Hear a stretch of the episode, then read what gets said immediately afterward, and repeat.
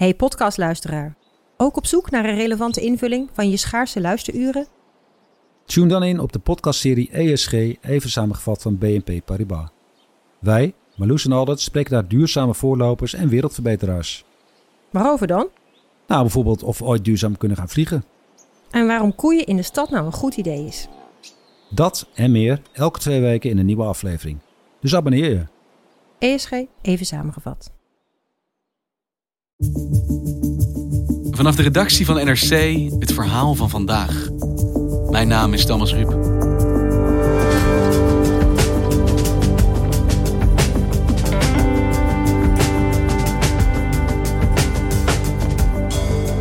...35 jaar geleden schreef Margaret Atwood The Handmaid's Tale. Een grimmige toekomstvisie vol leed en vrouwenonderdrukking. Een uitgekomen voorspelling, zeggen mensen nu. Het rode gewaad met witte kap, iconisch door de televisieserie, zie je terug in protesten wereldwijd. Nu krijgt het boek een vervolg. Maakt Margaret Atwood de verwachtingen waar?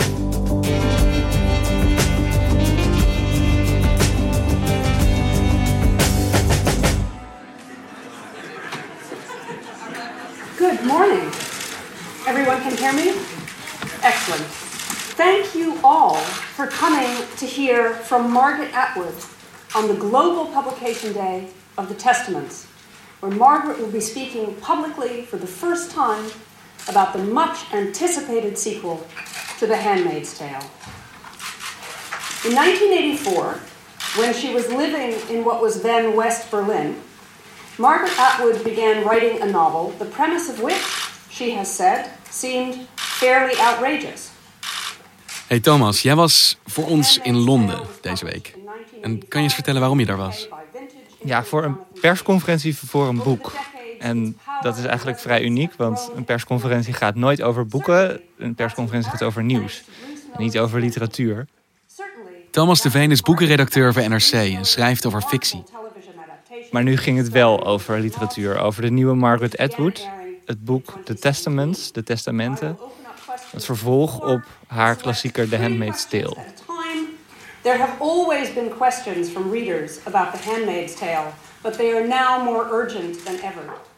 Ja, het was een spektakel. Een zaaltje in de British Library waar denk ik honderd mensen, eh, journalisten, filmploegen, cameramensen, fotografen uh, bij elkaar kwamen om dus naar een schrijver te kijken. Het komt omdat Margaret Atwood misschien wel de meest legendarische schrijver is die er bestaat. She has since become a fully fledged literary rockstar. And The Testaments is the most anticipated literary event of the year, according to The Guardian. De Handmaid's Tale is nu 35 jaar oud. En voor de niet-ingewijden, waar gaat dat boek over? De Handmaid's Tale is het verhaal van een dienstmaagd, zoals het vertaald is. Het speelt zich af in een Amerika dat uh, helemaal de verkeerde kant op gegaan is. Er is een theocratische, conservatieve dictatuur ontstaan.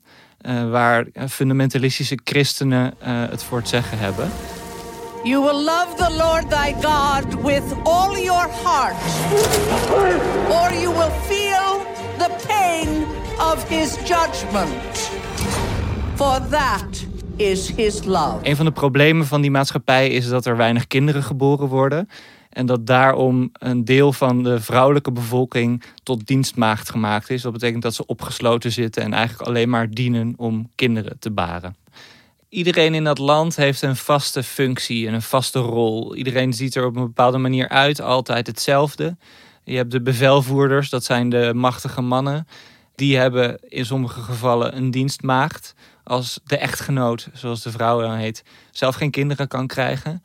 En dan de man uh, seks heeft met de dienstmaagd die dan zwanger moet raken. En dat kind baart voor het gezin. Die verkracht wordt. Verkracht wordt op een manier die zodanig geïnstitutionaliseerd is dat het geen verkrachting meer heet, want mensen zijn eraan gewend. You girls will serve the leaders and their barren wives. You will bear children for them. De dienstmaagden zijn ook gekleed in een lange rode cape uh, met een witte kap op hun hoofd. Je kunt niet aan hen zien wat voor persoon ze zijn. Ze zien er allemaal hetzelfde uit. Ze kunnen niet onder de kap door kijken. Je kunt ze niet aankijken, want zij kijken naar de grond. Dus het zijn een soort nonnen om te zien. Vrouwen die helemaal niet uh, enige aanstoot mogen geven aan de wereld. And blessed are those who suffer for the cause of righteousness. En je hebt boeken die uitkomen en die daarna eigenlijk in het vacuüm van de vergetelheid verdwijnen. En sommige hebben nog een hele levensloop daarna. Hoe is dit boek vergaan vanaf het moment van verschijnen? Het verschilt een beetje welke plek op de wereld je eh, neemt. Want uh, dat vertelde Margaret Atwood ook nog tijdens die persconferentie. In sommige delen van de wereld vonden ze het een heel angstaanjagend, dreigend toekomstbeeld. Dat dit ooit toch zou kunnen gebeuren met Amerika. In Amerika zelf zeiden ze nee, dat gaat ons nooit gebeuren, want wij zijn the land of the free. Maar sommige anderen dachten, uh, dit is toch wel een waarschuwing. Uh, dus het werd wel al meteen als een soort potentiële klassieker gezien. Ook omdat het een heel erg goed boek is. Het was wel een succes. Het was een succes. Margaret Atwood was al een, een aanzienlijke schrijver. Uh, en dit heeft haar reputatie alleen maar vergroot. Er zijn bewerkingen van gemaakt, uh, verfilmingen. Victoria Tennant en Robert Duvall as the commander. The Handmaid's Tale. Uh, het is door academici bestudeerd als een interessant literair werk. Dus het is wel meteen in de kanon gekomen. Uh, en het is echt weer tot nieuw leven gekomen uh, in de afgelopen jaren. En dat komt eigenlijk vooral door de serie die ervan gemaakt is, ten eerste, de tv-serie. En ook door politieke ontwikkelingen in de wereld, die mensen heel erg deden denken aan de wereld van The Handmaid's Tale. I was asleep before. That's how we let it happen. When they slaughtered Congress, we didn't wake up. When they blamed terrorists and suspended the Constitution, we didn't wake up then either. Now I'm awake. My name is Alfred. I had another name. Ik heb de televisieserie gezien. Mm -hmm. En kan jij mij eens beschrijven wat daar nou de, de, relevantie is geweest? Waarom is dat nou zo'n succes geworden? Margaret Atwood vertelde zelf op die persconferentie. Uh, ze was bezig met de makers van die serie om opnames te maken, om een script uh, tot uh, perfectie te krijgen. En op dat moment, dat was november 2016, werd Trump verkozen. En op dat moment zeiden zij tegen elkaar: nu gaat, het, gaat deze hele serie veranderen. Niet de serie zelf, maar wel de manier waarop die bekeken gaat worden. Grab him by the pussy, dat soort citaten. Mannen in, met macht die op zo'n manier over vrouwen praten. Daarin zag iedereen een voorbode van wat Margaret Atwood 30 jaar eerder had voorspeld.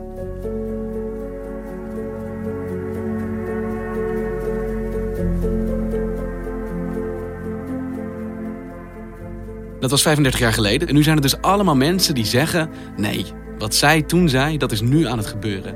En ziet zij dat ook op die manier? Dat was eigenlijk de grote vraag aan Margaret Atwood. En die wilde ik ook graag stellen. Dus vorig jaar uh, kreeg ik daar de kans voor om haar te interviewen toen zij naar Nederland kwam. Ja, want ik weet dat moment nog wel. Ik ken jou natuurlijk al jaren. Ja, je bent niet iemand die heel snel nerveus naar een interview toe gaat. En vlak voordat je haar sprak, uh, was je dat wel. Ik heb het inderdaad samen gedaan met een uh, collega, Clara van der Wiel. En uh, die, die heeft alles van Margaret Atwood gelezen. Dus een goede compagnon daar. We hadden afgesproken met Margaret Atwood dat we haar een half uur konden bellen. Dus we dachten, we moeten iedere seconde goed gebruiken. I'm joined by my colleague Clara. My name is Thomas. Hello, I'm Clara van der Wiel. Hello. Thank you so much for your time. Here I am. Great. En wat heb je met haar besproken? Wat zei ze jou? Wij wilden van haar weten hoe zij zich voelde bij die nieuwe profetische status die zij had gekregen. Want zij werd dus als een soort van uh, uh, schrijver van een klassieker werd ze ontvangen. En iemand die dus 30 jaar geleden al wist wat er nu misschien nog wel veel dichterbij ligt. Uh, een wereld die, die veel dichterbij is gekomen. dus wij wilden van haar weten hoe ze zich daarbij voelde. En nou, zij was eigenlijk heel blij mee, of trots op eigenlijk. En ze zei ook, ik heb daar geen macht over. No, no. I don't believe in, in, in foretelling a specific future because No. there are too many variables Uh-huh. and nothing is inevitable. Although, of course, everybody thinks that I'm an amazing prophet. um, that's actually not true. No. I, I am what I have always been. I'm, I'm a writer. Allemaal ontwikkelingen die in die wereld van de Handmaid's Tale zitten. In Gilead, eh, zoals de, het post-Amerikaanse land heet. Die zie je uh, nu in onze huidige maatschappij op heel verschillende manieren. Je ziet dat abortuswetgeving steeds meer wordt teruggedrongen. The most restrictive abortion bill in the country just passed in Alabama. Terug naar af gaan we inmiddels. Uh, je ziet wereldleiders die er totaal vrouwonvriendelijke meningen op nahouden. Vorige week nog zei Viktor Orban dat vrouwen meer kinderen zouden moeten baren om de omvolking tegen te gaan. announcing a series of tax and loan benefits for families aimed at boosting childbirth in an aging nation, Viktor Orban held a hard line against immigration. Een van de grappigste dingen was uh, tijdens de Women's March, vlak na de inauguratie van president Trump, uh, dat er uh, spandoeken waren te zien met de tekst Make Margaret Atwood Fiction Again. maar het is geen fictie meer, het is nu uitgekomen. Ja, The Handmaid's Tale costume is turning into the new go to protest attire for women. Handmaid's Tale is a trending topic on Twitter after women in red showed up to protest the controversial ban on abortion that just passed the Senate in Alabama.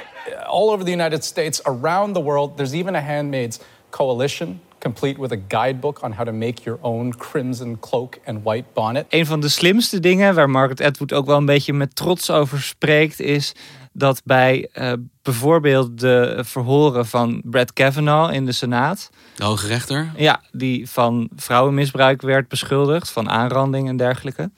Daar buiten op straat, daar waren vrouwen te zien in de kleding die de dienstmaagden dragen. They're not causing a disturbance. They're not saying anything. They're not immodestly dressed. They're just there. Daarmee lieten ze in feite zien deze wereld is niet heel ver van die fantasiewereld van Margaret Atwood. Ziet ze dat zelf ook zo? Heeft zij het gevoel dat de wereld is toegegroeid naar haar dystopische visie van toen? Ja, dat denk ik wel. Ze heeft altijd historische parallellen gebruikt. Dus ze zegt ook altijd: alles wat ik verzin dat over de toekomst gaat of over een wereld die niet de onze is, uh, dat heeft een precedent in het verleden. Dus is al een keer gebeurd. Dus er is niks raars. Er, ik verzin het allemaal niet. Uh, somebody asked me on Twitter recently, how do you come up with this uh, the answer is, it's not me who comes up with it. It's the human race over the past 4000 years. Ze zei ook, in 1985 uh, was ik echt geen profeet. Excuse me, but it did not take a prophet or a genius to figure that out. So I wasn't reading the tea leaves, I was reading the newspapers. Ja, en zij zegt zelf wel, ik ben geen profeet.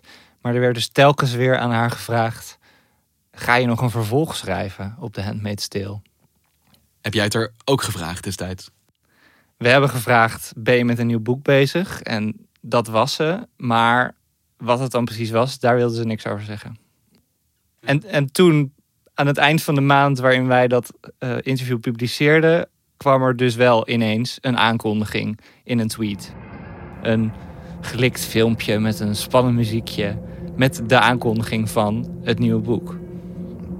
Everything you ever asked me about Gilead and its inner workings is the inspiration for this book. Well, almost everything. The other inspiration is the world we are living in. The Testaments by Margaret Atwood, coming September 2019. A dark dystopian vision that is capturing the public's attention. Margaret Atwood's The Handmaid's Tale is now a cultural touchstone for readers and viewers. Her much anticipated sequel, The Testaments, is already on the shortlist for this year's Booker Prize. Ik wist niet zelf meteen of ik enthousiast was, want uh, na zoveel jaar nog zo'n vervolg schrijven, wat zou dat boek dan precies worden? Zou dat wel nodig zijn? Zou het misschien afbreuk doen aan wat er al was? Maar ja, Margaret Atwood is ook niet de minste. Dus ik zag het wel zitten.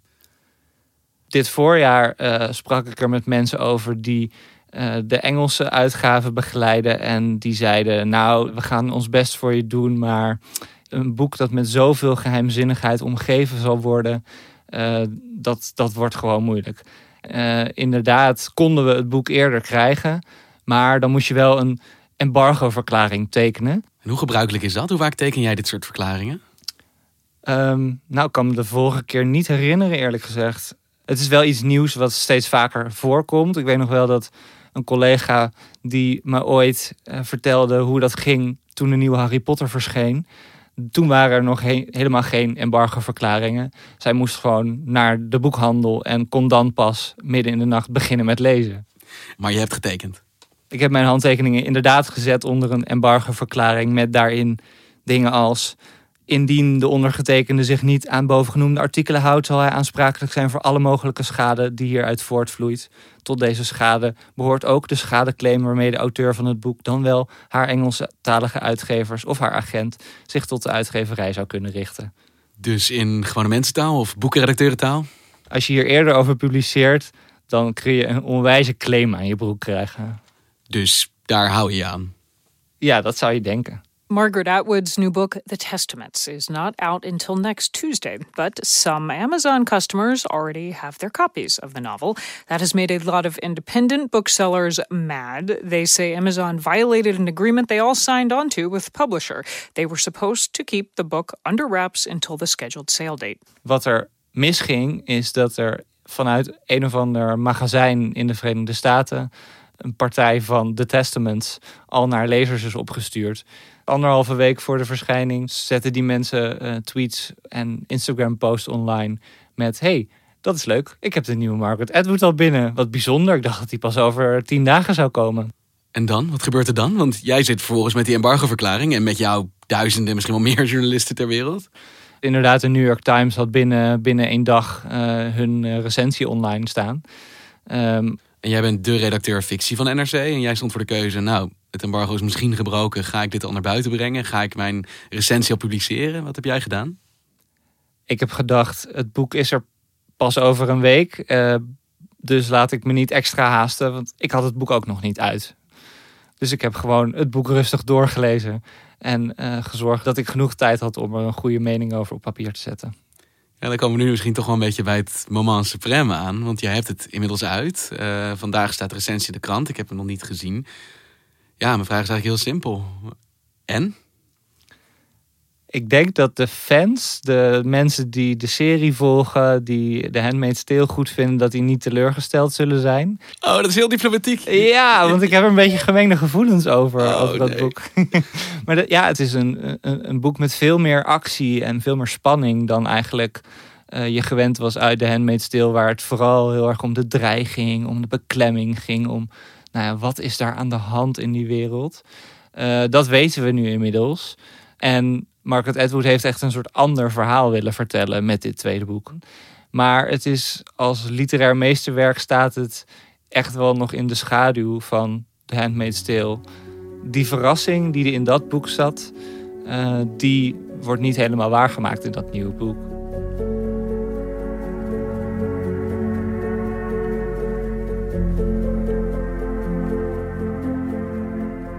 Hey Thomas, Margaret Atwood schreef 35 jaar geleden een boek waarvan iedereen nu zegt dat het heeft een enorme voorspellende waarde gehad. En nu schrijft ze een vervolg daarop. Dan dringt de vraag zich wel een beetje op: hoe ziet onze toekomst eruit volgens Margaret Atwood? Dat boek eindigde met een scène die twee kanten op kon. Uh, de dienstmaagd van Fred of Fred werd in een busje gevoerd. En dan schrijft ze: The van, the van waits in the driveway, its double doors stand open. The two of them, one on the other side now, take me by the elbows to help me in.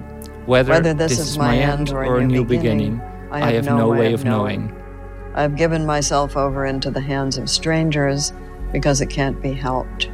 And so I step up into the darkness within, or else the light.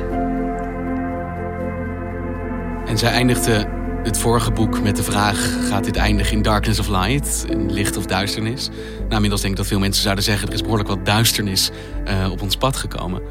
Hoe pessimistisch is haar boodschap in het nieuwe boek? Hoe ziet zij de toekomst voor zich? Ik zou eerder zeggen optimistisch. Het nieuwe boek is een nieuw verhaal en er zit actie in, er zit daadkracht in, want er zit verzet in. Um, hoe die totalitaire staat afbrokkelt of verdwijnt, dat lezen we hier. En dat is dus een verhaal over verzet, over uh, de macht die doorbroken wordt, over mensen die zelf weer de macht krijgen. Dus ja, de boodschap van Margaret Atwood is: er is altijd nog wel verzet mogelijk. Er is hoop volgens Margaret Atwood. Dat zou je denken. Is there hope in the second book? So people will. Tons of hope. Tons, Tons of, of hope. hope. Tons of lots and lots of hope. Dankjewel, Thomas. Graag gedaan, Thomas. Je luisterde naar vandaag, een podcast van NRC. Eén verhaal, elke dag. Dit was vandaag, maandag weer.